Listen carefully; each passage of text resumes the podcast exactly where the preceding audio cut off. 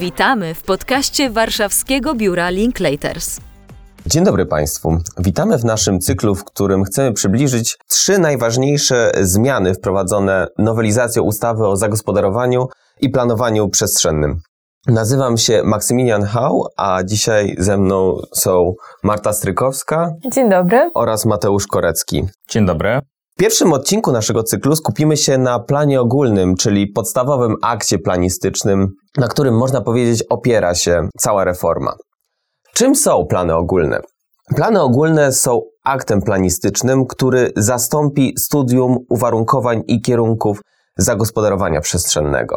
Należy w tym momencie podkreślić, że funkcja planów ogólnych będzie zupełnie inna niż funkcja studiów. Co to oznacza? Przede wszystkim plany ogólne w przeciwieństwie do studiów będą aktem prawa miejscowego.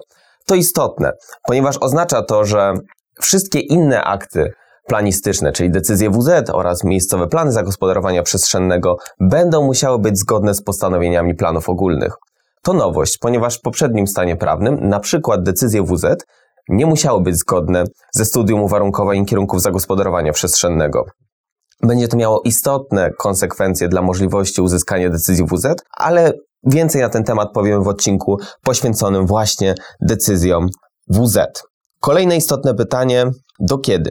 Plany ogólne powinny zostać uchwalone najpóźniej do 1 stycznia 2026 roku. Dlaczego? Najpóźniej 31 grudnia 2025 roku utracą moc wszystkie studia uwarunkowań i kierunków zagospodarowania przestrzennego. Zwiąże się z tym główna trudność związana e, z nowelizacją, ponieważ ustawa nie przewiduje sytuacji, w której po 1 stycznia 2026 roku nie będzie uchwalonych planów ogólnych. Mówiąc wprost, ustawa wtedy po prostu nie działa.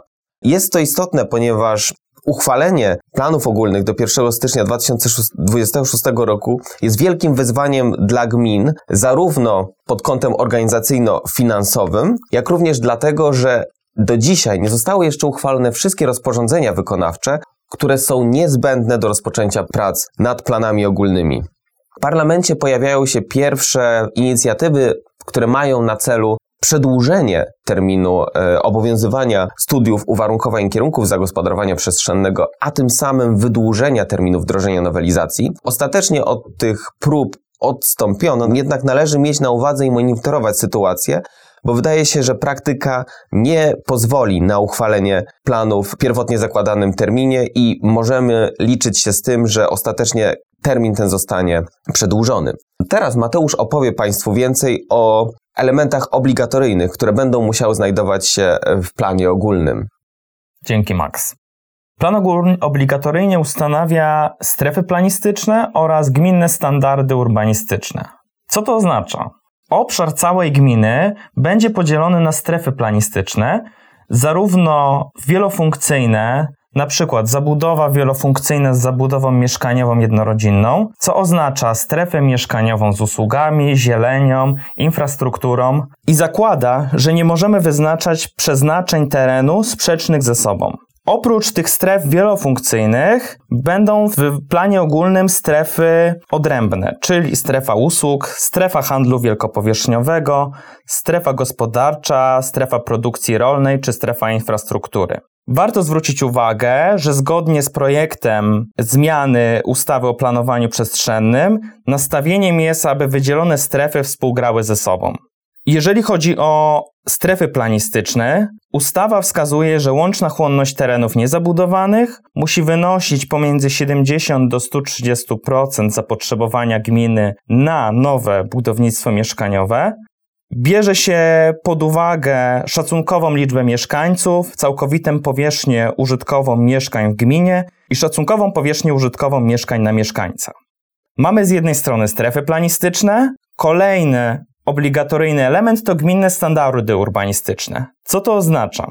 Gminne standardy urbanistyczne to tak naprawdę profil funkcjonalny, szczegóły, jak ma wyglądać dana strefa planistyczna. Rozporządzenie wskazuje, że w danych profilach funkcjonalnych muszą być opisane maksymalna wysokość zabudowy, wskaźniki intensywności zabudowy oraz minimalny udział powierzchni biologicznie czynnej. Wcześniej wskazane elementy obligatoryjnie musi zawierać plan, Przejdźmy zatem do fakultatywnych elementów planu ogólnego, o których opowie Marta. W planie ogólnym, poza elementami obligatoryjnymi, o których mówił Mateusz, gmina może określić obszary uzupełnienia zabudowy oraz obszary zabudowy śródmiejskiej. Naszym zdaniem to właśnie wyznaczenie przez gminę obszarów uzupełnienia zabudowy w planie ogólnym jest kluczowe z punktu widzenia inwestora. Dlaczego? W przypadku, jeżeli dany teren nie jest pokryty miejscowym planem zagospodarowania przestrzennego i inwestor w celu realizacji zamierzonej inwestycji będzie chciał wystąpić o wydanie decyzji o warunkach zabudowy, będzie mógł ją uzyskać tylko w przypadku, jeżeli dany teren objęty jest właśnie obszarem uzupełnienia zabudowy. Ponadto w zakresie gminnych standardów urbanistycznych gmina może wyznaczyć gminne standardy dostępności infrastruktury społecznej, które obejmują zapewnienie dostępu do szkoły podstawowej oraz zapewnienie dostępu do obszarów zieleni publicznej. Przez zapewnienie dostępu do szkoły podstawowej rozumie się położenie działki ewidencyjnej w odległości nie większej niż 1500 metrów w miastach oraz 3000 metrów poza miastami od szkoły podstawowej, liczonej jako droga dojścia ogólnodostępną trasą dla pieszych od granicy określonej działki do budynku szkoły podstawowej. Natomiast przez zapewnienie dostępu do obszarów zieleni publicznej e, rozumie się, że działka położona jest w odległości nie większej niż 1500 metrów od obszaru zieleni publicznej o łącznej powierzchni nie mniejszej niż 3 hektary oraz 3000 metrów od obszaru zieleni publicznej o powierzchni nie mniejszej niż 20 hektarów. Poza tymi elementami gmina może ustanowić również inne standardy gminne. Co oznacza, że może na przykład dopuścić zmniejszenie terenów e, zieleni, ale tylko do 50%, oraz ustalić odległości od przystanków komunikacji publicznej, bibliotek, centrów miast i innych ogólnodostępnych funkcji publicznych, e, które zostały określone w e, ustawie o planowaniu i zagospodarowaniu przestrzennym. Dzięki, Marta.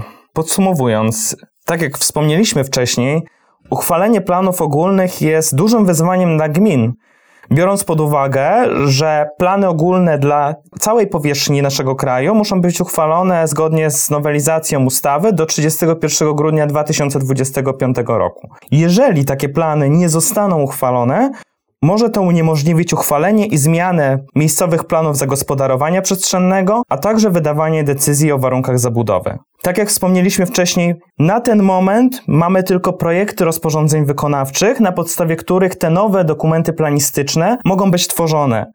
Większość z nich jest na etapie opiniowania czy konsultacji, jednak nie wiemy, kiedy zostaną uchwalone i w związku z tym prace nad planami ogólnymi nie mogą być rozpoczęte przez gminy. Tak jak Maksymilian wspominał na początku, w następnym odcinku przybliżymy Państwu problematykę nowych decyzji o warunkach zabudowy oraz zintegrowanych planów inwestycyjnych, na które serdecznie już dziś zapraszamy. Dziękujemy za wysłuchanie naszego podcastu. Zachęcamy do obserwowania naszych kanałów social media, aby być na bieżąco z kolejnymi odcinkami.